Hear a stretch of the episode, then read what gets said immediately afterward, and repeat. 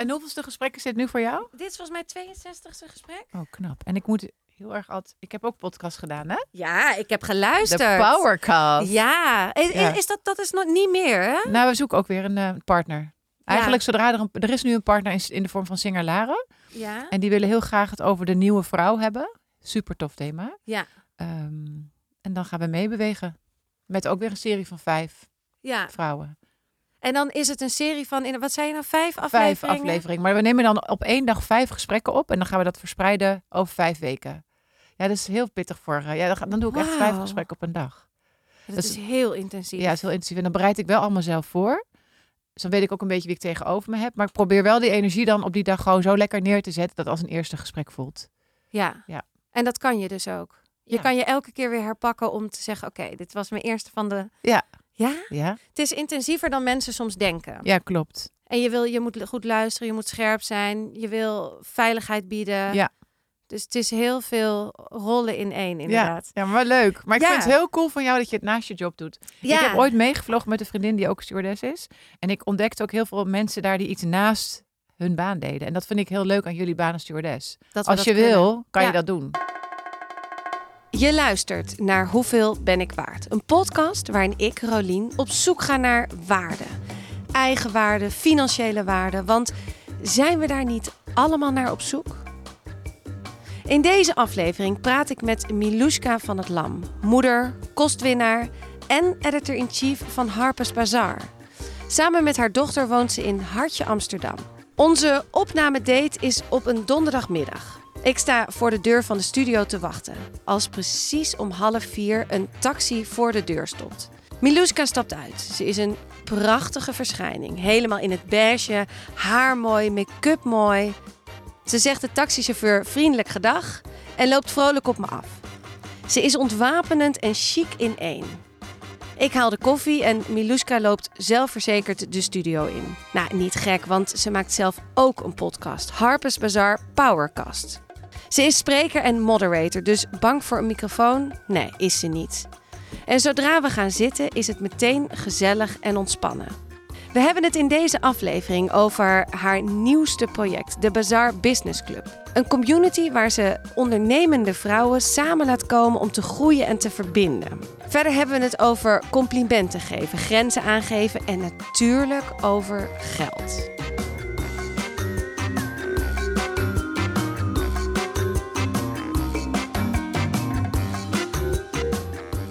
Nou, Miluska. Ja, Ik eh, begin altijd eigenlijk deze pot. Ik weet niet of jij ooit geluisterd hebt. Zeker. Oh, oké. Ja, Nou, tuurlijk. ik begin altijd met één vraag. Ja. En die ga ik jou ook stellen. Ja. Wanneer wist je voor het eerst wat je waard bent? ja. Ehm, dat wist ik toen ik eh, in mijn vorige baan organiseerde ik een heel groot evenement eh, in Singer-Laren. Toen was ik nog hoofdredacteur van Residence. Eh, en toen had ik echt een droom die eigenlijk niet kon.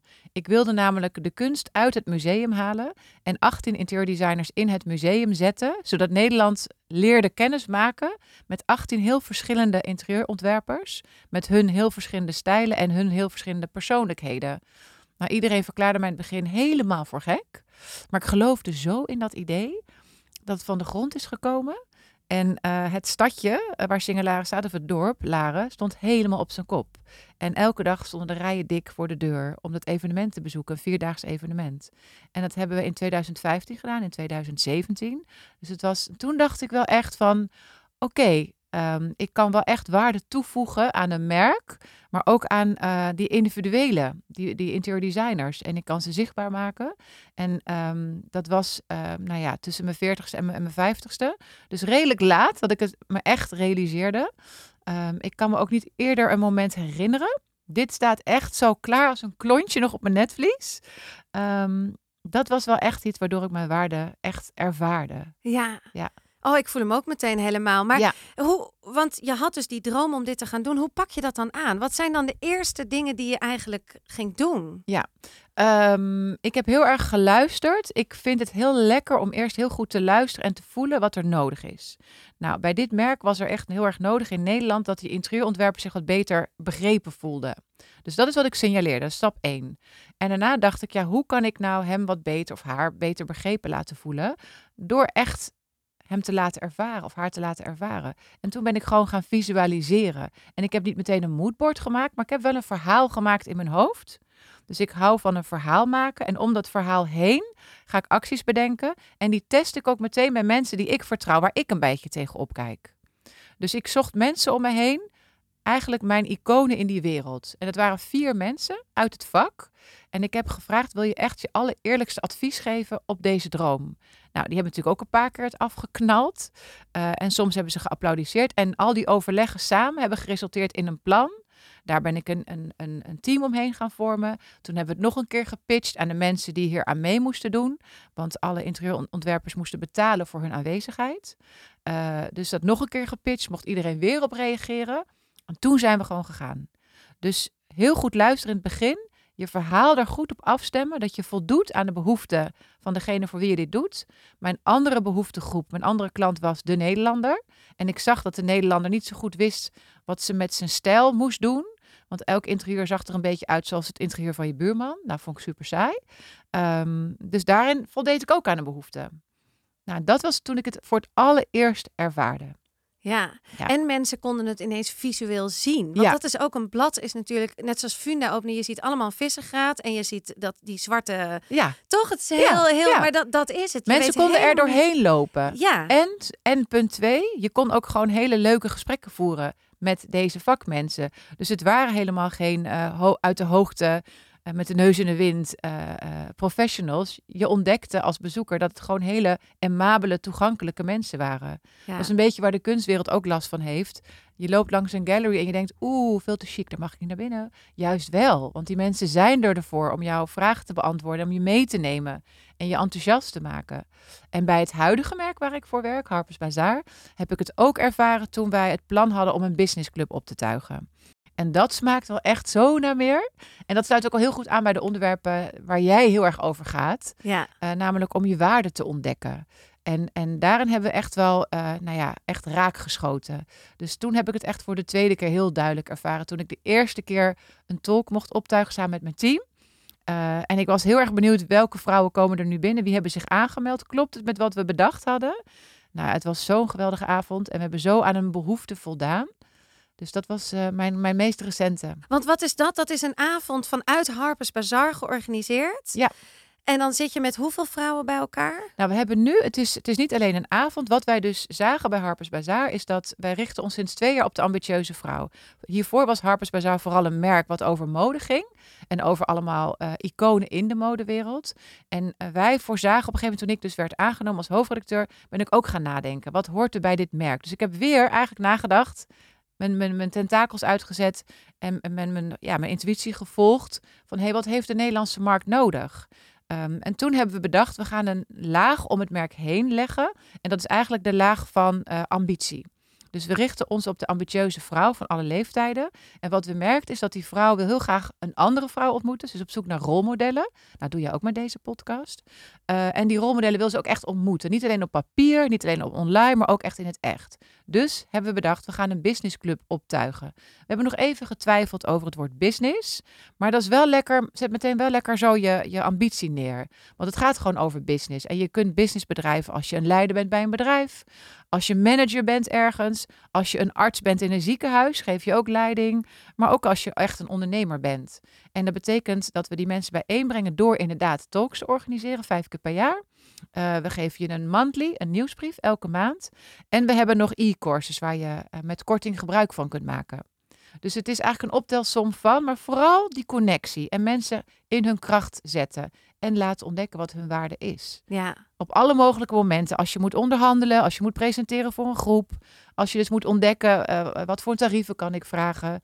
Maar ook als je ineens in een conflict komt en hoe moet je dan conflict, dat conflict hanteren. Al dat soort onderwerpen komen voorbij. En, en deze groep is dus wel een vaste groep die, die, die vijf keer, of kan je gewoon elke keer los nee, erbij zijn? Nee, we willen echt dat je, dat je onderdeel, ja, je bent dedicated, want dat, dat geeft vertrouwen. We willen eigenlijk een familie bouwen. en natuurlijk kun je afscheid nemen van de familie en jezelf weer toevoegen. Maar ons idee is wel dat we een, een, vaste groep bouwen. En dat mag ook zich echt uitbreiden. Dus we begonnen met een founding committee. Dat zijn vrouwen die wij allemaal weer bewonderen. Dus eigenlijk weer dat groepje, wat ik met mijn eerste ervaring ook had. Die echt geloven in dit idee, die het willen ondersteunen, die hun schouders onderzetten. En die ook rolmodellen zijn voor de nieuwe leden. Nou, die nieuwe leden hebben zich inderdaad daardoor daadwerkelijk aangemeld. En we hebben nu 200 betalende leden.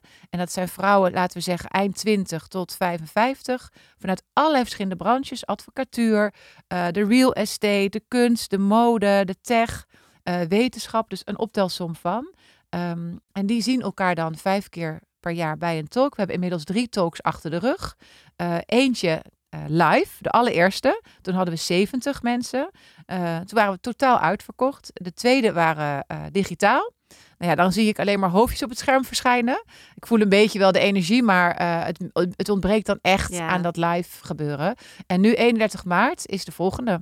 En dan zitten we hier bij Rise, is een nieuw pand in Amsterdam, wat vrouwelijke members heel erg aan elkaar wil koppelen, vrouwelijke entrepreneurs. en de, deze groep mensen mag groeien. Dus we hebben nu 200 betalende leden. En dit jaar willen we er 500 uh, eh, gaan krijgen. Want we geloven er heel erg in dat je juist als je die groep groter maakt, dat je veel meer in een behoefte voorziet. Want dan kan je je netwerk ook echt uitbreiden. Ja. Ja. ja. En hoe ga je je nou voorbereiden op de 31ste? Want dat is weer spannend. Ja, super spannend. Ja. Ja, ik ga altijd, uh, nou ja, wat jij ook met mij deed, ik ga een voorgesprek aan met de sprekers. We, zo, we, we houden heel erg van thematisch werken. Uh, dat is lekker, want dan kan je heel erg concreet een onderwerp bij de lurven pakken. Uh, en het is ook heel duidelijk naar je publiek toe. Dat doen wij met het blad. Zijn we heel themagericht. Ik heb jou net een nieuw nummer gegeven. Dat is een business editie en het gaat over what's next, over de toekomst. Nou, dan weet je wel een beetje wat je kan verwachten. Dat helpt altijd, dat je richting geeft. Dat vind ik ook een goede tip voor de luisteraar. Uh, en als je dan voorbereidt op een talk. Nou, deze keer gaat de talk over hoe word ik financieel onafhankelijk. Heel belangrijk in Nederland om dat onderwerp goed te pakken. En dan vragen wij drie experts om daar hun visie op te geven. Dus wij cureren samen met het team. Uh, want ik doe niks alleen, altijd met het team. Cureren we gewoon de beste sprekers op dit gebied. Uh, en daar heb ik voorgesprekken mee. Ik weet dan ongeveer wat ze willen vertellen. En dan onderzoek ik met mezelf en met hen. Oké, dan pak jij dit onderdeel. Jij pakt dat onderdeel. En de derde spreker is altijd een soort van mini-masterclass. Ja. Dus we hebben altijd een soort van debat waarin ik echt een debat voer met twee vrouwen, soms drie. En dan is de, de laatste spreker altijd een masterclass op dit gebied. En de masterclass gaat dit keer over NFT's. Dan hebben we nog um, Lisbeth Staats, um, televisievrouw, die ook een boek heeft geschreven over dit onderwerp. Uh, en dan hebben we nog een spreker over uh, financiële investeringen vanuit het vrouwenperspectief. Dus het is echt een female investor. Interessant wel. Interessant. Ja, en geld. En, en jij, wat is, jouw, wat is jouw functie op die dag? Ben jij dagvoorzitter? Ik ben dagvoorzitter. Ja, dus Jij, jij plakt het helemaal aan elkaar ik, vast. Ja, ik plak het helemaal aan elkaar vast. Dus ik, uh, ik uh, houd dat debat. Dus ik moderate op dat moment. En daarna geef het stokje over aan degene die je masterclass geeft. Dat is iets wat we geleerd hebben. Want eerst was ik iedereen aan het interviewen. Nou, en op een gegeven moment bedachten we, nou, het is toch wel leuk om verschillende vormen te bedenken. Dat is in het blad ook. Je hebt een uh, column, of je hebt een interview, of je hebt een soort van monoloog. Nou, hier dachten we, oké, okay, het is leuk om een debat te hebben en daarna gewoon een masterclass. Dus ook voor de kijker aangenaam om naar te kijken en te luisteren. Ja. Dat je verschillende vormen, dan kan je lekker een beetje verrassen, komt er weer een nieuwe energie. Ja. En dan steek je ook het meest op. Dan ga je ook echt gewoon helemaal gevoed met nieuwe kennis naar buiten. Ja, grappig hè. Hoe de, hoe, ik vind het heel leuk om te horen dat het met een blad dus ook is. Want ik weet met de podcast ja. is er een regel dat je elke minuut moet er iets gebeuren. Oké. Okay. Al is het verandering van je stem ja. of is er, is er een, ja, whatever. Het maakt niet uit. Maar dat is dus met een blad ook. Zeker, zeker, zeker. Het liefst ook op. Ik, zou, ik droom ook wel eens over een, een cover waarin je. Je gaat ook al met je hand zo over het blad heen. Ja. Dat heeft nu een soort zilverfolietje. Daar ging je net al eventjes naartoe. Ja. Dat vind ik al heel mooi. Dat hebben we normaal gesproken niet. Dus het glanst wat meer. Dus je wil, je wil het ook ervaren. Nou, hoe mooi zou het zijn als je een keer echt een stoffen cover kan maken met een soort van canvas erop. Weet je, dus dat geldt voor mij ook. Voor het, voor het printproduct geldt het ook. Daar Ja. moet je echt iedere keer weer mee verrassen. Maar en dat geldt ook voor jouw podcast en iedereen die luistert en die producten maakt of services uh, bedenkt. Je moet ook een zekere herkenbaarheid gaan hebben. Zodat mensen ook weten, oké, okay, dit is Harper's Bazaar. Gaat over de optelsom van stijl en ambitie. En dat is met jouw podcast ook. Oké, okay, ik weet, ik ga hier lessen ophalen over mijn waarden. Dat we niet ineens hier vanavond onze avondgerechten gaan delen. Nee, of over de huisdieren die we hebben. Nee, nee het nee. moet wel duidelijk ja, ja. zijn. Absoluut. Dus absoluut. herkenbaar, maar iedere keer binnen die herkenbaarheid een stukje verrassen. Ja. Weet je wat me ook meteen aan het blad opvalt? En dat vond ik ook al. Ik had een keer Anke de Jong ook gesproken. Ja, Is dat jullie, jullie zijn echt een nieuwe generatie, tenminste. Jullie zijn niet dezelfde level, maar jullie zijn een nieuwe generatie bladmakers. Want het is zo anders dan vroeger. Vroeger waren het schreeuwerige teksten er doorheen. En nu is het, het is bijna inderdaad een blad wat je gewoon in je woonkamer. En heeft Ja. Harper's Bazaar altijd wel al heel ja, erg gehad. Ja, in het verleden ook wel hoor. Maar ik vind het nu nog, het is nog minder tekst, Ja. lijkt het. Ja, klopt. Heb je goed gezien. Ja, ik vind het het allermooist. Ik geloof heel erg in, eh, in het koffietafelboekgevoel. En waar ik ook heel erg op probeer te letten, is dat we heel duurzaam denken. Dus normaal gesproken, elk, onder, elk blad heeft een thema. Eh, maar wij hebben ook, ik denk dat we het enige mediamerk in Nederland zijn, hebben ook een jaarthema. Want ik wil heel graag dat jij ons gaat verzamelen. Dus vorig jaar was ons jaarthema groei. Als je ons op de voet volgt, dan groei jij als professional en als persoon. Dit jaar is ons jaarthema impact. Dus als je ons op de voet volgt, leer je echt hoe je impact kan maken. En wij praten nu ook niet meer in een editie, maar in een dialoog. Want ik wil de dialoog tot stand brengen. Dus we hebben niet over editie 1, maar over dialoog 1, dialoog 2, dialoog 3. Dus we willen echt start die conversation. We willen echt het gesprek op gang brengen. Ja, hoe vindt Hurst dit? Hoe vindt hij dat jij zo ontzettend ambitieus hierin bent? Ja, die vindt dat, die, die, ik denk dat ze daar eh, op een bescheiden manier voor, voor applaudisseert. En ik betrek Hurst er heel erg bij. Ja. Dus, dus eh, plannen maken doe je nooit in je eentje. Natuurlijk eh, begin ik wel met het idee, maar ik overleg het altijd. En dat is ook iets eh, wat ik heb geleerd afgelopen jaar. Ik heb hiervoor voor mezelf heel lang gewerkt. Ik heb hier bij een, hiervoor bij een andere uitgeverij gewerkt waar het veel meer de cowboy mentaliteit was. Is ook heerlijk hoor, om je cowboylaarzen aan te trekken en door die klapdeurtjes heen te gaan. En gewoon lekker te doen waarin je gelooft. Maar wat je hier ziet, waar ik heel veel van leer, is dat ik binnen een corporate internationale organisatie eh, mijn ideeën mag pitchen en ook heel snel zo'n mooi team om me heen kan vormen. Dat is echt wel het voordeel. En ik kan zelfs mijn oor te luisteren leggen bij al mijn zusjes, editor, editors in chiefs in, in, in Amerika, in Spanje, in, in eh, eh, Engeland. Want daar wordt allemaal ook een Harper's Bazaar uitgegeven. We, we- we- ja, verschijnen in 30 landen. Ja. Dus nou ja, dat zijn allemaal hele toffe lessen. En dan leg ik mijn ideeën ook voor in Amerika. Toen ik werd aangenomen, moest ik een soort scriptie schrijven. En dat moest eerst in Nederland worden beoordeeld. Eh, vervolgens moest het naar Amerika, daar werd het beoordeeld. En uiteindelijk moest ik nog op gesprek hier bij de toenmalige directeur. Dus je moet je ook wel echt verdiepen eh, en, je, en, je, en je dromen blootleggen. Maar daar geloof ik ook in. Want anders zou ik ook mijn, mijn opdracht niet kunnen uitvoeren. Je kunt me niet zomaar ergens neerzetten en dan doe het maar. Ik moet echt geloven in wat ik ga doen. Ja. En als je dan mag meedenken, dat is natuurlijk wel echt een, een uitdaging, maar ook een eer. Dat ja. ik gewoon aan zo'n iconisch merk, zeg maar, een eigen gezicht mag geven voor Nederland. Dat vind ik echt een hele grote eer. En dat voel ik nog elke dag zo. Maar het is ook, je, ik, ik hoor namelijk ook wat je, ik hoorde je toen straks al wat zeggen daarover. Jij manifesteert eigenlijk helemaal uit jezelf. Jij visualiseert hoe je dingen wil.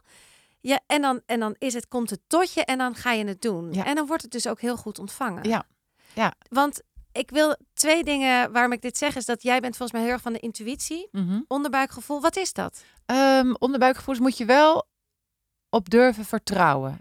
Ik wilde bijna mezelf verbeteren, dat hoorde je. Want ik wilde zeggen, dat moet je wel leren. Maar dat is helemaal niet zo, want het zit in je. Maar je moet wel op durven vertrouwen. En dat komt met de jaren. En mijn ambitie is omdat vrouwen op jongere leeftijd al sneller in de gang, dat ze, het in, dat ze het in de gaten hebben. Dat lijkt me echt te gek. Als je daar eerder op durft te vertrouwen, ga je veel sneller vliegen. Want ik ben best laat gaan vliegen. Want ik denk wat ik vanaf mijn veertigste echt ben gaan vliegen. Ik heb altijd mijn dromen verwezenlijkt. Maar daarna ben ik echt gaan vliegen omdat dat vertrouwen wat later kwam bij mij. Oké, dit is voor mij echt een verademing om te horen. Want ik ben qua carrière een laadbloeier. Er waren altijd andere prioriteiten en soms nog steeds. Maar ook het vertrouwen is er bij mij nu pas echt. Vertrouwen om te gaan vliegen, om groot te durven dromen. En ik denk dat veel mensen dit gevoel met mij delen en zullen herkennen. En een laadbloeier zijn is dus helemaal oké. Maar laten we dan nu ook echt gaan vliegen en in dat vertrouwen gaan zitten. Maar ik heb het net ook bij de redactie uitgelegd. Ik vind het nu heel leuk om te spreken in het openbaar. Nou, mijn allereerste keer was denk ik op mijn 27ste. Net klaar met mijn universitaire studie. Ik werkte voor het Academisch Ziekenhuis in Utrecht op de communicatieafdeling. En ze zeiden, ga jij dat maar doen. Dat introductieprogramma voor nieuwe medewerkers, ga dat maar presenteren en ontwerp het ook maar. Eh, nou, toen zei ik eerst, nou jongens, eh, moet ik niet eerst wetenschappelijk onderzoek doen naar wat iedereen wil? Nee, vertrouw gewoon op je intuïtie. Nou, daar kwam die als als eerste. En daarna ook, ga het ook maar presenteren. Nou, ik ben echt een keer flauw gevallen. Maar daarna dacht ik, oké Miloes, flauw gevallen, weer opstaan en weer door. En dat gaf zo'n kick dat ik daarna met mezelf heb afgesproken. Elke keer als er zo'n gekke nieuwe uitdaging op mijn pad komt, ik ga gewoon in diepe springen, ik ga het gewoon doen. En als je jezelf die opdracht geeft, dat is heel eng in het begin. Maar uiteindelijk ga je merken, het gaat je lukken. Misschien val je twee keer, letterlijk flauw of niet, maar misschien struikel je twee keer. Maar als het daarna lukt, geeft het zo'n kick, dan wordt dat gewoon je grootste uitdaging. En dan, ga, je, dan ga je pas groeien. Dus je moet jezelf even een schop onder de kont geven. eh, om te zeggen, oké, ik mag een keer vallen, ik mag een keer struikelen. Maar daarna ga je echt groeien, dat beloof ik iedereen. Maar als je nou echt van binnen voelt, ik kan dit niet of ik wil het niet. En je snap je dat je een situatie hebt dat je een presentatie moet doen, maar eigenlijk voelt je intuïtie niet goed. Niet helemaal. Wat doe je dan? Zeg ik het. Ja? Ja, ik zeg het.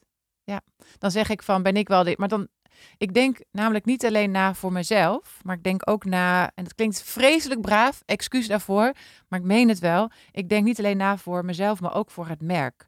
En als het voor mij niet goed is, is het ook voor het merk niet goed. Stel je voor, je vraagt mij om een pot pindakaas aan te prijzen en het voelt voor mij niet goed, want het heeft ook helemaal niks met Harper's Bazaar te maken.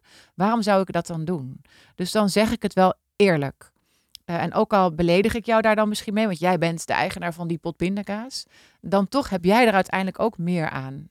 Want dan kan ik zelf zeggen, misschien moet je naar een ander merk binnen Hearst, waar het wel over pindakaas gaat. Noem maar even nu iets, hè. Ik zou niet weten waar wij over pindakaas praten.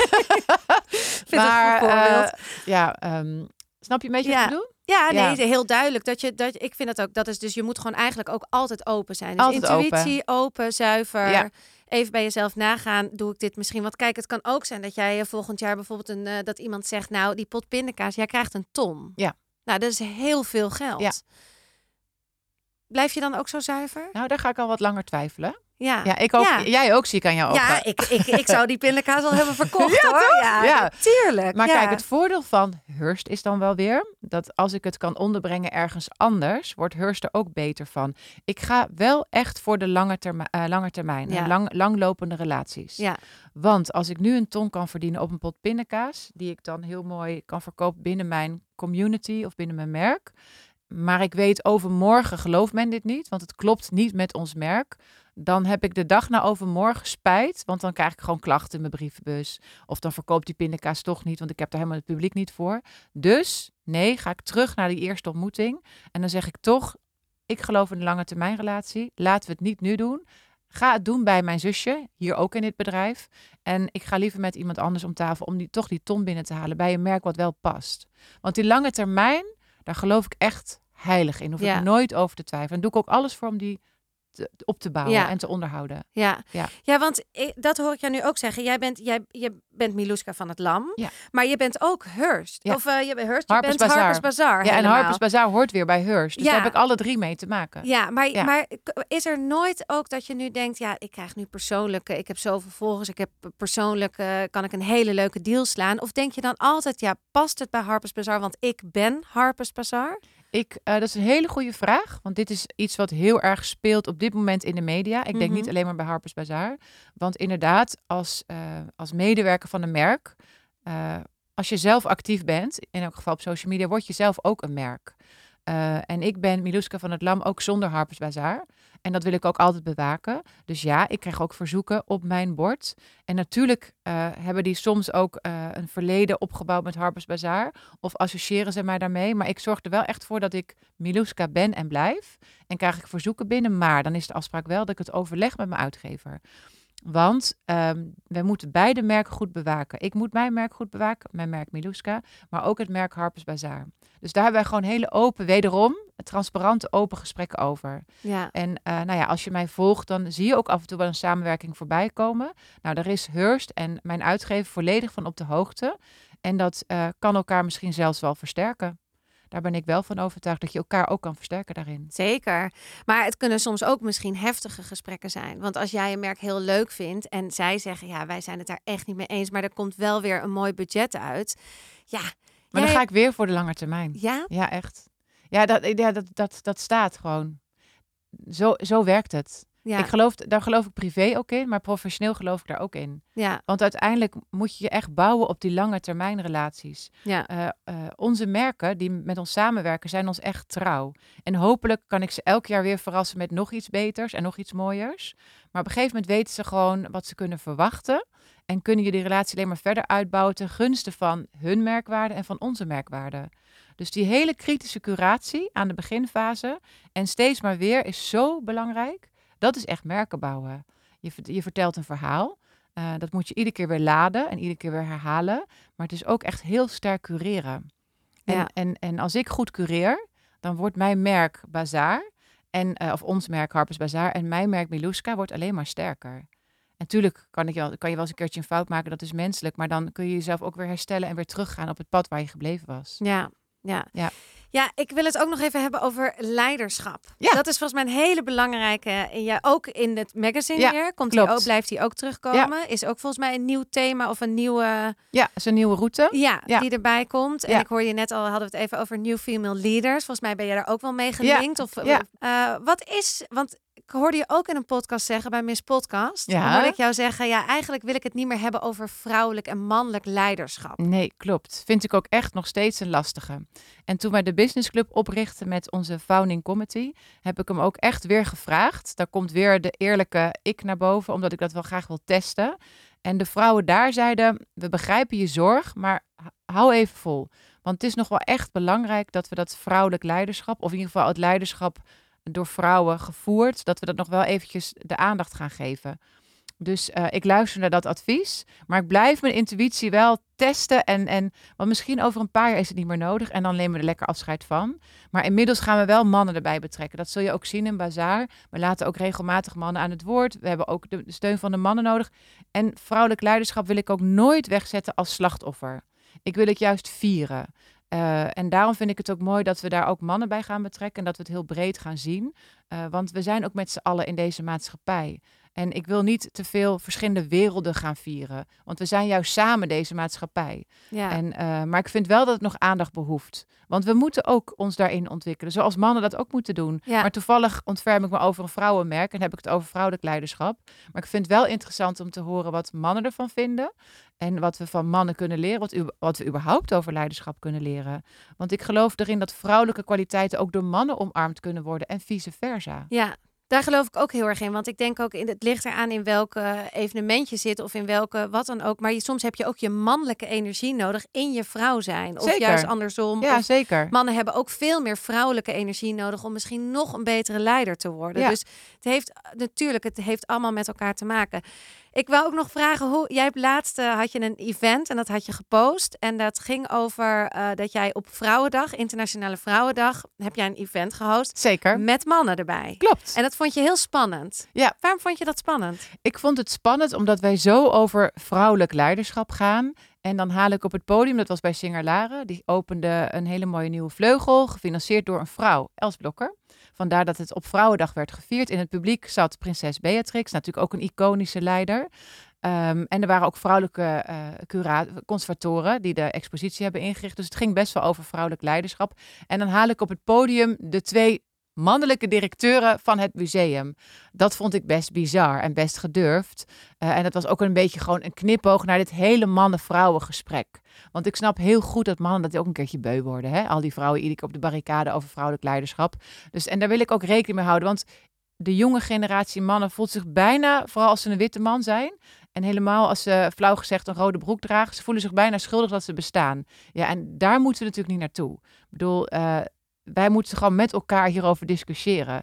Eh, maar dat was een beetje de knipoog en het cynisme naar, naar die energie eigenlijk. Ja, heb je er kritiek op gehad? Nee, totaal niet. Ze moesten gewoon, toen ik ze ook zo introduceerde op het podium, moesten ze ook vreselijk lachen. En ze maakten letterlijk en figuurlijk een gebaar naar de vrouwen die zij hier een podium geven. Letterlijk en figuurlijk ook weer. Eh, namelijk naar Els Blokker, naar die vrouwelijke eh, conservatoren. Eh, en ze gaan dit najaar ook een hele mooie expo openen over de nieuwe vrouw. Dus ze doen het hartstikke goed als mannen. Ja, nou, dat Ja. is goed om te horen. Ja, ik vond het namelijk ook wel baanbrekend, omdat het, eh, dat je dat zojuist eh, open die outer of oud in die open gooide. Omdat ik dacht, ik, ik hoorde ook veel vrouwen dit jaar die zeiden: moeten we nou weer die vrouw, we moeten Ja. het zo benoemen. En het is juist, we moeten het zeker nog jaren blijven benoemen. Maar we mogen er ook een beetje met humor. Ja, en we vind ik het- alsjeblieft een beetje tong en cheek, een beetje, beetje humor. Ja, ja, nee, maar echt. ja. En dat had je ook op een gegeven moment toen wij hebben we ook aan meegedaan als Harper's Bazaar van stem op een vrouwelijke minister. Nou, sommige vrouwelijke ministers vonden het helemaal niet leuk dat die beweging er was, stem op een vrouw. Die Nee, hadden zoiets van, joh, eh, stem op iemand die goed is, die iemand jij die goed vindt. Ja. Ja. Dus ik, ik snap die, die plussen en die minnen rondom deze discussie, snap ik heel goed. Maar het is voor ons voorlopig echt nog wel even goed, ook als vrouw, om het hierover te blijven hebben. Ja. En dat we elkaar hier ook vooral in steunen en in opzoeken. Ja, En, eh, en dat gebeurt ook steeds openlijker. ja. Ik vind het ook heel tof, dat doe ik zelf ook aan mee. En als iemand me daar eh, op kan betrappen dat ik dat niet doe, geef me even op mijn donder. Maar eh, ik vind het ook belangrijk om zelf gewoon vrouwen te benoemen in een kamer waarin heel veel mensen zijn. Dat ik gewoon een hoera vraag voor een vrouw waar ik op dat moment in geloof. Eh, want zo kunnen we elkaar wel eh, versterken en Ja. helpen. Dat is echt Ja. belangrijk om te doen. En daar moeten we zelfs nog verder in gaan. We moeten gewoon inclusief voor iedereen worden. Man, vrouw, eh, we- wie- dan ook. Ja, Ja. iedereen moet gewoon daarin een podium krijgen. En wat ik een heel mooi advies vind, heb ik ooit gehoord op het podium van onze uitreiking Women of the Year. Dat hebben we elk jaar. Eh zij een voormalige hartchirurg zei daar wat haar tip was. Zorg ervoor als jij de carrière ladder beklimt dat je altijd je jongere zusje meeneemt. En dan figuurlijk je zusje. Want je hebt vast in je organisatie iemand op het oog waarvan je denkt, yo, die heeft veel, of yo, pardon jongens, yo, yo. Van die heeft veel talent. Daar moet je dus nooit bang voor zijn voor dat Oh. talent. Maar ga dat gewoon vieren. En ga kijken of je misschien over haar kan ontfermen. Neem haar mee in de weg naar de top. ja. Eh, want dat is ook niet alleen heel charmant, maar dat is ook waarmee je echt iemand in het zadel kan helpen. ja. Eh, en dat is, dat is wat we echt kunnen doen als we het hebben over impact. Dat thema van ons dit jaar. Dat is hoe jij impact kunt hebben. ja. Al heel dichtbij, elke dag. En eh, nou ja, als je een groot bedrijf runt, dat kun je doen met je stagiaires. Je kunt het doen met nieuwe medewerkers. eh, maar je kan het ook doen met collega's die je ontmoet of met iemand met wie je een samenwerkingstraject ingaat. Je kunt elkaar op die manier echt helpen. Of Ja. een keer de bal toespelen. Ja, jij bent sowieso volgens mij heel erg van de complimenten. Ja. Jij vindt het fijn om anderen. Jij kwam hier al binnen en toen zei je als eerste. Nou, ik voelde me echt eh, meteen even helemaal hoe. Wat zei je als eerste? Weet je het nog? Ja, ik zei als eerste gefeliciteerd met je mooie prijs. Ja. ja, ja, want Nou, je hebt een hele ik- toffe prijs gewonnen. Ja. Ja, Nou, over het runnen zo- van jouw podcast. Ja, Nou, dat is uh, die erkenning aan een vrouw geven aan elkaar is heel belangrijk. Dat, Ja. dat, is, dat, dat voedt heel veel in mij. ja. Dus dat is dat vind Nou, ik dat ook vind een ik fijn om te horen. Ja, Ik vind dat dat weinig gebeurt eh, nog eh, in Nederland. En als je het doet, zijn er ook wel mensen die dan twijfelen aan je oprechtheid. Eh, want dan zou je misschien een agenda hebben. Gelukkig hebben wij, jij en ik, vandaag geen agenda. Nee. Behalve dat we een heel mooi gesprek optuigen. Eh, maar daar, ik, ik weet, daar ver je van op. Ja. Het is gewoon lekker om dat te krijgen. Maar ik meen, hem, ik meen het ook oprecht. Want Ja. ik heb me jou verdiept. Eh, en ik vind het tof wat je doet. Dus dan verdient dat ook een compliment. ja, De keerzijde is wel dat ik het soms best lastig vind om heel duidelijk aan te geven wat ik wel en wat ik niet wil. Want ik vind het nou eenmaal prettiger. Dat is ook meer mijn thuis geworden om iemand complimenten te geven.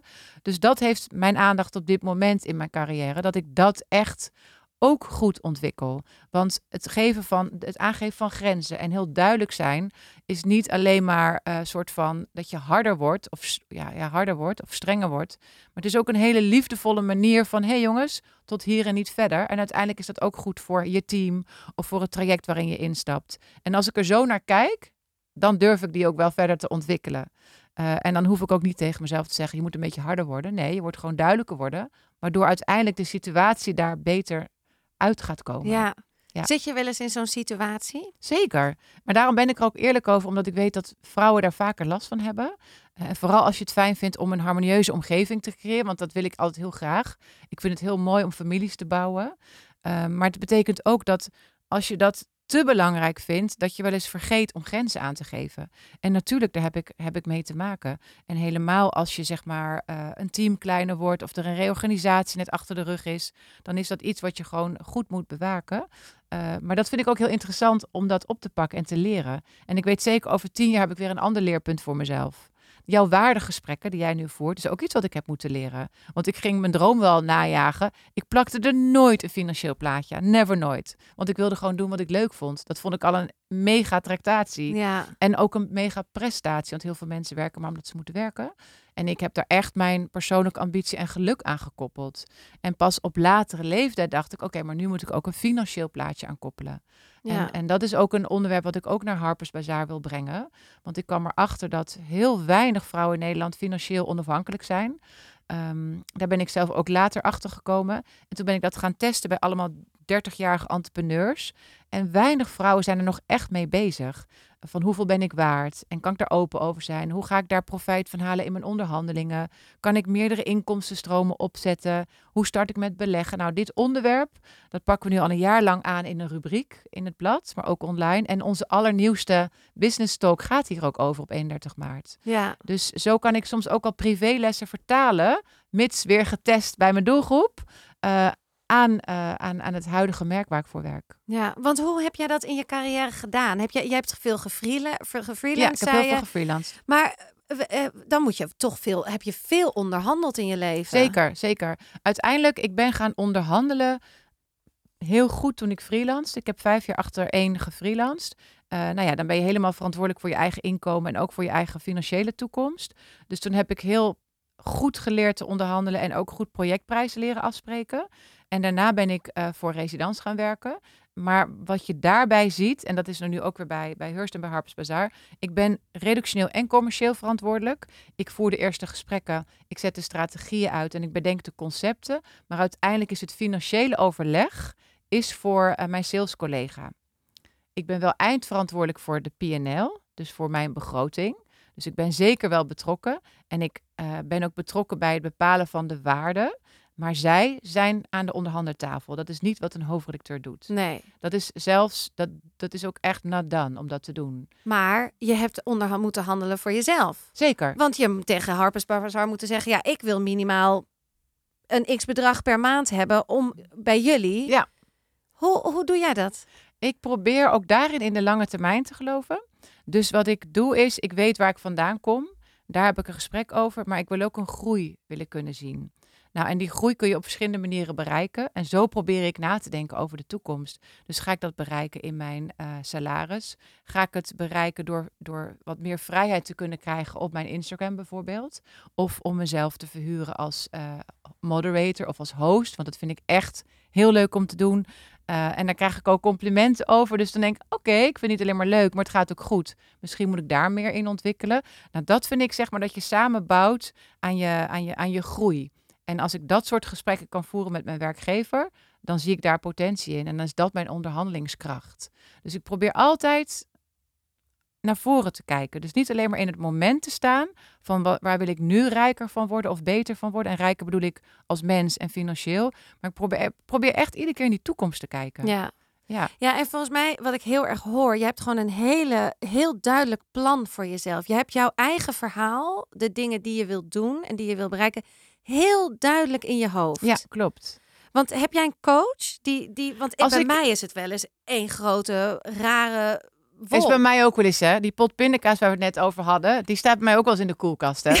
Ja, precies. Dat nee, maar echt. ik. En ik kwam hier net binnen en toen riep ik heel hard, oh, mijn telefoon Ja. nog in de Uber. Dat Ja, is waar, ja. Dat komt omdat mijn hoofd op dit moment best vol zit. Omdat Ja. ik gewoon heel veel projecten run eh, voor het merk waar ik nu voor werk, voor Harper's Bazaar.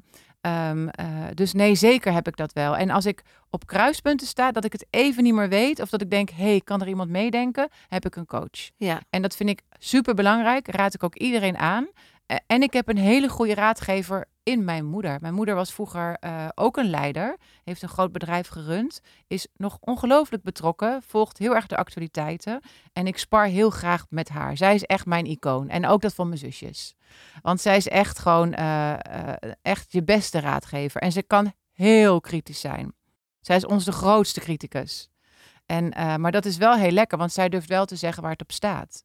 Ik bedoel, onze relatie zit wel goed. Ze heeft niets meer te verpesten. Nee. Dus ze kan alles zeggen wat ze wil zeggen. Vanuit de goede bedoelingen voor mij, maar ook waar, voor wie ik werk. En eh, dat vind ik heel prettig om het met Ja. haar te kunnen doen. Ja. En ook heel veilig. Dat voelt gewoon heel Dat voelt heel- vertrouwd, ja. veilig, Ja. oprecht. ja, en dat probeer ik ook weer voor mijn dochter te zijn. Want die staat nu ook aan het begin van haar carrière. Ze wordt eh, volgende week 20. Eh, en ze gaat studeren. Ze heeft net een werkend jaar achter de rug met haar gap year. Eh, en zij vraagt mij ook om advies. Ook over onderhandelingen, inderdaad. Van oppasgeld tot haar eerste grote baan. Uh, en, en wat Onderhandelt zij al over waarde? Mam, zij kwam ik ben terug. Nu dit waard. Ja, zij heeft een week geleden gezegd: Mama, dat boek over blondjes beleggen beter. Waar staat dat? Want ik wil beleggen. En gisteren kwam ze terug, had ze gewandeld met een vriend. En die jongen, echt, nou ja, die jongen zou onder de twintig zijn. Die heeft in bitcoins heel veel verdiend. Die gaat nu een appartement kopen. Wauw. Ja. Te gek. Ja, ja, dus dan denk ik, ja, die jonge generatie, daar heb ik wel echt vertrouwen in. Ja, ik heb ook wel vertrouwen in, Ja. hoor. Ja, maar ik denk het grote verschil is, is dat zij al de aandacht en de liefde naar het onderwerp geld brengen eh, vanuit de natuur. En wij hebben dat echt ons eigen moeten maken. En daarin kunnen wij ons ook nog steeds verder ontwikkelen. Eh, en dat is ook wat we echt moeten doen. Ja. Dus ik denk dat er best een groot gat is tussen, tussen onze generatie en die van onze kinderen. Maar dat onze kinderen daar veel verder in zijn dan eigenlijk wij, mentaal. Alleen we hebben wat meer vlieguren al gemaakt. Maar zij zijn mentaal eigenlijk al wel eerder klaargestoomd hiervoor. En zij durven daar ook gewoon over te praten. ja. En zij zijn ook al veel inclusiever hè, daarin.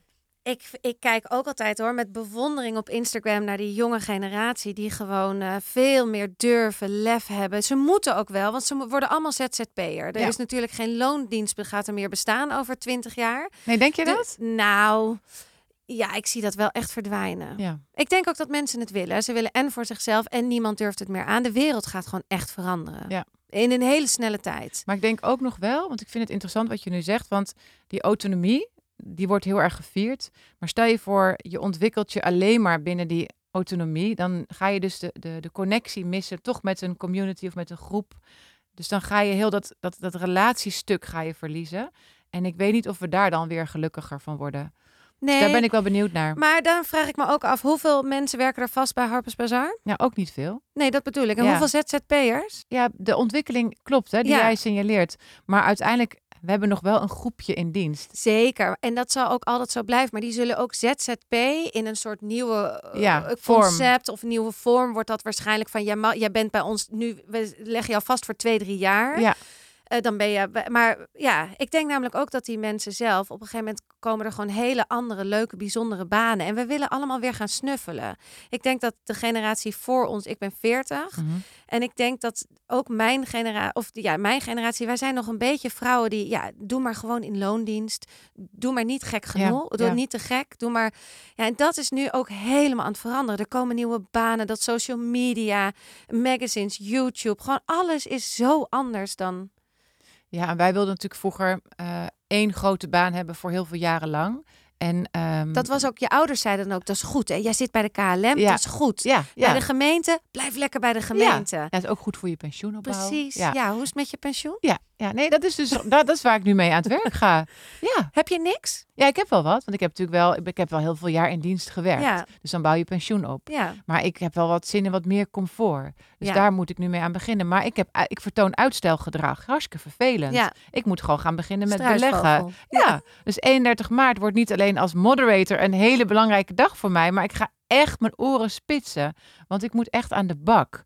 En eh, met het uitspreken hiervan met die mooie microfoon voor mijn neus, vind ik het ook wel mooi als ik dan jou over een jaar weer spreek en je vraagt mij dit, dat ik dan gewoon zeg, nou, dat is prima in orde. Ja? Ik ben begonnen. Dat hoop ik echt. Als Ja. we over elkaar over een jaar weer spreken, Ja, dat ik dat dan in ieder geval, want ik heb echt uitstelgedrag. Ja. En eh, daar moet ik gewoon van af. Want wat wil je? Wat wil je als financiële toekomst? Eh, comfort. Ja. Eh, Wat is comfort? Nou, dat ik weet dat ik gewoon, eh, totdat ik hier op aarde rond mag eh, dansen, dat ik gewoon geen financiële zorgen heb. Ehm, en natuurlijk zou ik het ook, ik zou ook heel vermogend willen worden, dat ik alles kan doen waar ik over droom. Maar dat eerste zou ik al heel prettig vinden. En dat gun ik eigenlijk iedereen. Want volgens mij, als je comfortabel je voelt daarover, kun je ook veel meer je dromen verwezenlijken. En er ook voor een ander zijn. Want ik denk dat dat ook ons nieuwe geluk is. Ons nieuwe geluk is dat we onze eigen autonomie vieren en dat we dromen kunnen verwezenlijken. Maar een aanvullende droom is net zo belangrijk dat we dus weer impact hebben op onze omgeving, op onze kinderen of, of uh, voor groep mensen voor wie we ons willen inzetten. Kijk wat er nu gebeurt, ook met het hele Oekraïne. Nou, terecht dat we ons daar allemaal over ontfermen. Of over bewegingen als Black Lives Matter. Uh, nou ja, noem het maar op. Er is genoeg om voor te knokken. En dat zie ik ook heel erg bij onze, bij alle generaties eigenlijk. We willen ons echt sterk maken voor de mens. Dus die menselijke waarden gaan steeds belangrijker worden. Juist volgens mij, omdat je wat je net schetst, dat we zo digitaal actief zijn. We missen gewoon het vieren van die menselijke waarden. Ja. En, en daar worden wij gewoon gezonder en, en gelukkiger van. Ook gezonder in ons hoofd. Als we voor een ander een beetje kunnen zorgen. Ik denk dat dat echt het nieuwe geluk is, ook Ja. op je werk. Het is niet alleen maar meer rugnummers en cijfers. We willen ook nadenken over onze persoonlijke ontwikkeling, die van ons team. We willen ook iets goeds kunnen doen voor, voor, de, voor de aardkloof, voor, de, voor onze omgeving. En dat kan al heel dichtbij. Ja. Maar als ik jou zo zie, ik, volgens mij ben jij toch een hele rijke vrouw. In je kennis die je hebt, de dingen die je meemaakt, de dochter die je hebt. Eh, Je bent eh, de, de bazin van, nou ja, dat is een Nee, ik beetje voel me ook, ik bedoel, nee, je ik voel me ook, ik voel Ja. me ook heel, ik voel me ook een rijke vrouw. Maar bijvoorbeeld nu het kopen van een pand. Ik wil Ja. graag, ik huur nu. Ja. Oké, dan wil ik een huis aanschaffen. Nou, ik heb nu wel even besloten om het voorlopig even niet te doen, want de huizen waar ik naar kijk, waar ik gelukkig van word, die zitten meteen als ik ga kijken al. Nou ja, Sander Schimmelpennik heeft hier een hele mooie uitzending over gemaakt, Sander en de Kloof. Je kunt meteen een tonnetje erbij opleggen. Nou, dat tonnetje heb ik op dit moment niet, dat extra tonnetje.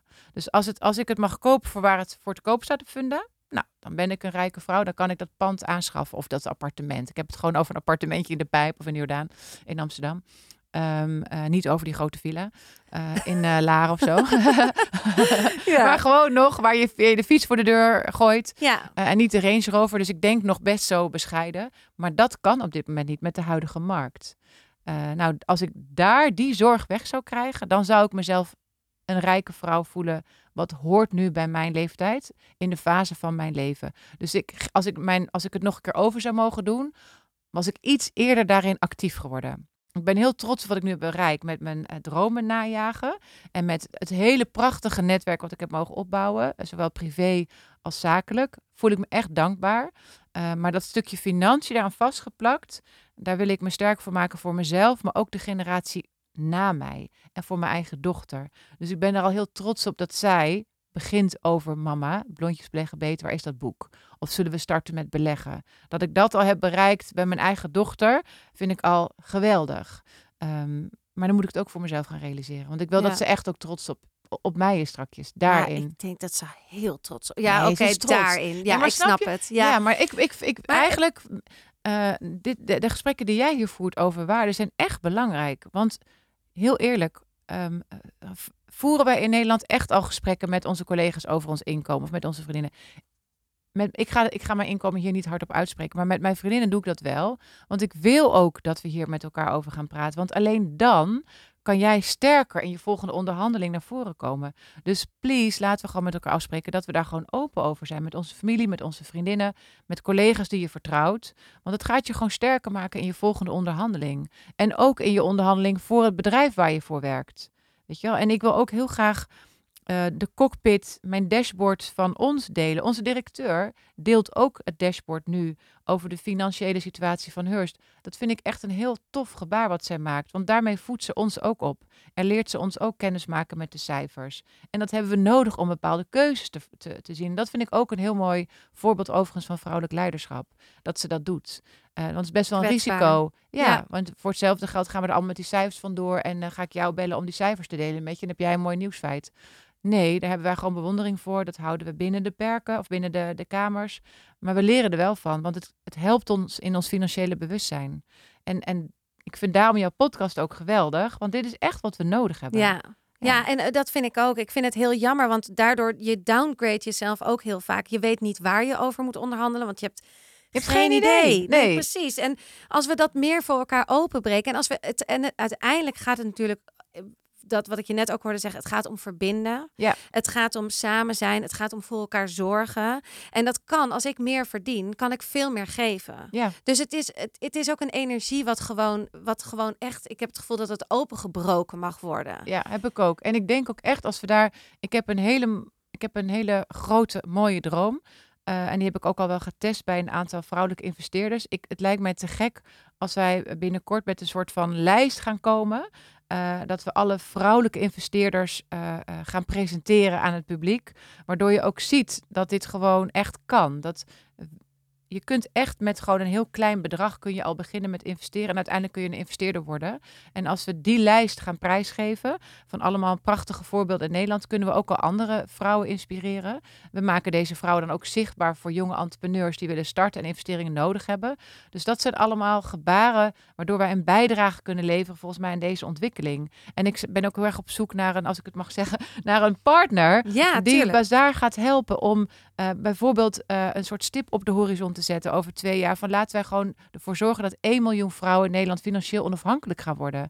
En dat we ze echt aan de hand gaan nemen om te gaan investeren, om te gaan beleggen. En laten we ons daar sterk voor maken. Ja. Want een goed voorbeeld doet volgen. En eh, nou ja, als, als pioniers van deze wereld, want dat beschouw ik me wel als blademaker, eh, moeten wij daarin gewoon eerste stappen gaan zetten. Ja. Maar zou je niet Dus doe met als- me mee. Ja, nou, zou je niet zoiets als jong beleggen? Heb je natuurlijk de podcast. En ik vind het wel, ik, ik heb het verder niet, ik heb één aflevering geluisterd. Maar wat ik er heel leuk ervan vind, is dat ze natuurlijk gewoon hun hele portemonnee openleggen. Dus ze laten hun hele portfolio van hun investeringen zien. Ja. En je kan helemaal meekijken en je kan met ze meedoen. Zou Harper's Bazaar dat niet moeten doen? Gewoon een open portfolio van dit is, we gaan dit investeren in een groene, weet ik veel, of in wat dan ook. En dan jaren mee gaan kijken. Ja, dat lijkt me super interessant. Zodat Ja. je wederom zo'n dashboard creëert waar je op mee kan kijken. Ja. En dan is het aan ons dat we dat zo interessant verpakken. Eh, hè, net wat je zei met een podcast of een blad maken, dat het ook wel aantrekkelijk blijft. Ja, En, eh, en dat proberen we heel erg te doen door ook zeg maar stijl toe te voegen. Eh, zodat je ook echt op een stijlvolle manier hier kennis mee maakt. Eh, maar dit, zijn, dit is allemaal in de cockpit, zijn we dit soort Ja, dingen allemaal aan het voorbereiden. Om Ja. te kijken hoe we vrouwen kunnen meenemen Ja. daarin. Zodat je echt jezelf helemaal persoonlijk en professioneel kan ontwikkelen. Eh, en daarmee gewoon echt gaat groeien en impact kunt creëren. Ehm, dus ja, ik hoop dat ik je over een jaar meer mag bijpraten. Ja, ik ben benieuwd. Ja. Ik zie het helemaal voor me dat je dit gaat doen. Ja. Grappig, want je blijft dus wel groot dromen. Ja, en ook iedere keer weer een nieuwe droom. Als het maar past bij wat we hebben afgesproken met elkaar. Waar we, eh, Bazaar in dit geval, en ook de vrouwen die ons volgen, waar we ze naartoe willen brengen. Ja, En ehm, ja, ik kijk er ook echt naar uit om dat te doen. ja. Ja, Nou, eerst de 31ste. Het laatste, laatste dingetje wat ik je net hoorde zeggen over een huurhuis. Doet dat, doet dat iets met je eigen waarde? Dat je iedereen een, een huis kopen heeft natuurlijk een bepaalde status. Ik heb stenen. Ik, dat, dat voelt lekker. Wij hebben ook nu sinds vijf jaar een koophuis. We hadden laatst weer een eh, zo'n ehm, hoe heet het nou? Een, een taxateur. Nee, een, eh, die ging kijken of het nog allemaal goed was. Nou, in ieder geval. En toen eh, hadden we twee ton waren we omhoog. Nou, hartstikke leuk. Kunnen we natuurlijk niks mee, want je kan ook niks terugkopen. Maar dat voelt heel in mijn eigen waarde. Die stijgt ik snap in jou. die twee minuten Ja, gigantisch. ja. Maar eh, toen ik een huurhuis had, had ik dat inderdaad, kende ik dat gevoel eigenlijk niet. Nee.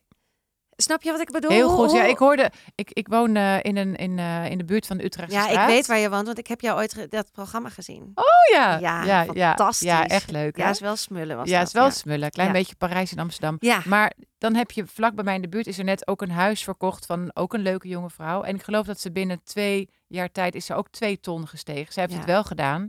Ehm, en dat lijkt mij echt kicken. Want dat ga je nooit bij elkaar sparen binnen twee jaar twee ton. Eh, dus dat lijkt mij inderdaad een gelukzalig gevoel geven. Ik voel me daarin eh, wel wat ja, later in mijn ontwikkeling, wederom. Ehm, ik heb daar geen spijt van, want wat ik ook met mezelf heb afgesproken, ik neem bepaalde besluiten. En dat neem ik in, op dat moment, in die situatie, was dit goed voor mij. Dus ik ga er helemaal niet met spijt op terugkijken. Maar ik probeer wel mijn dochter bijvoorbeeld wat alerter daarop te maken. En ik heb nu wel besloten, het is oké zo. Eh, en misschien moet ik in het buitenland iets gaan kopen. Dus ik, doordat er dit nu in Nederland ontstaat, ga ik nadenken over het buitenland. Misschien ga Ja. ik wel in Spanje een heel leuk appartement kopen en, en richt ik dat helemaal in, zodat iedereen wil komen logeren en ga ik daar huur voor vragen. ja, want dat huisje in de Utrechtse straat daarbij ga je nooit meer terugvinden. En dat is ook echt waar ik echt, ik kus de grond elke, elke Ja. ochtend. Die, die Ja. mevrouw daar die in de straat de grond kust, dat ben ik. Dat is die. Dat is ik. Want ik vind, een huren kan ook heel veel voordelen hebben. Het kan ook veel stress van je afnemen. Dat als er iets is, ik vind soms wel de zorg voor een huis, voor dit stenen. Dat als er nu was er weer een dak iets afgewaaid met die storm, dacht ik, oh god. Het is ook wel, het heeft, het is ook een verantwoordelijkheid. Nou vind ik ook dat inderdaad, ik snap wel wat je zegt, ook met, ik ben 50, ik heb dat ook met, ik ben 40. Ik kan hem nu ook dragen, die verantwoordelijkheid. Ja. Dus ik, ik snap wel dat Ja. je ook die stap, ja, nee, want ik ben al wel een tijd aan het kijken. Maar ik heb nu wel besloten, reality check, ja, nu even niet. nee, Laat ik dan mijn droom verleggen. Dat vind ik ook volwassenheid. Hè? ja, En ook leiderschap. Dat je Ja. zegt, oké, want ik kan wel heel treurig en heel boos worden. Oké, maar dit is gewoon de situatie nu. Laten we een nieuwe droom creëren. Ja. Misschien moet het een huis in het buitenland worden. Wat ik helemaal inricht, waarvoor ik, waardoor ik geloof, hier wil iedereen logeren. En dan vraag ik een hele mooie huur. En dan kom je lekker bij me logeren. Een soort, soort van eh, bed and breakfast in Spanje of in Frankrijk. En dan ga ik op die manier geld maken. Dus ja, ik probeer dan wel zeg maar in meerdere scenario's te denken en te schakelen. Ja, Ehm ja. Ja. absoluut. Dit was hem. dankjewel. Dankjewel. Dit was hem weer voor deze week. Lieve Miluska, dank voor dit mooie en open gesprek. Je hebt me geïnspireerd. Vanaf nu ga ik springen. Dus elke keer als er een gekke of nieuwe uitdaging op mijn pad komt, ga ik hem aan. Ben jij nou ook geïnspireerd? Heb je iets geleerd? Laat het mij dan weten. Dat kan via www.vriendvandeshow.nl slash hbiw. En voor slechts 3 euro per week kun je ook de podcast steunen. En luister je exclusief naar de 5 vragen van Rolien. Dus ga naar www.vriendvandeshow.nl slash hbiw en word lid. Voor nu, tot de volgende!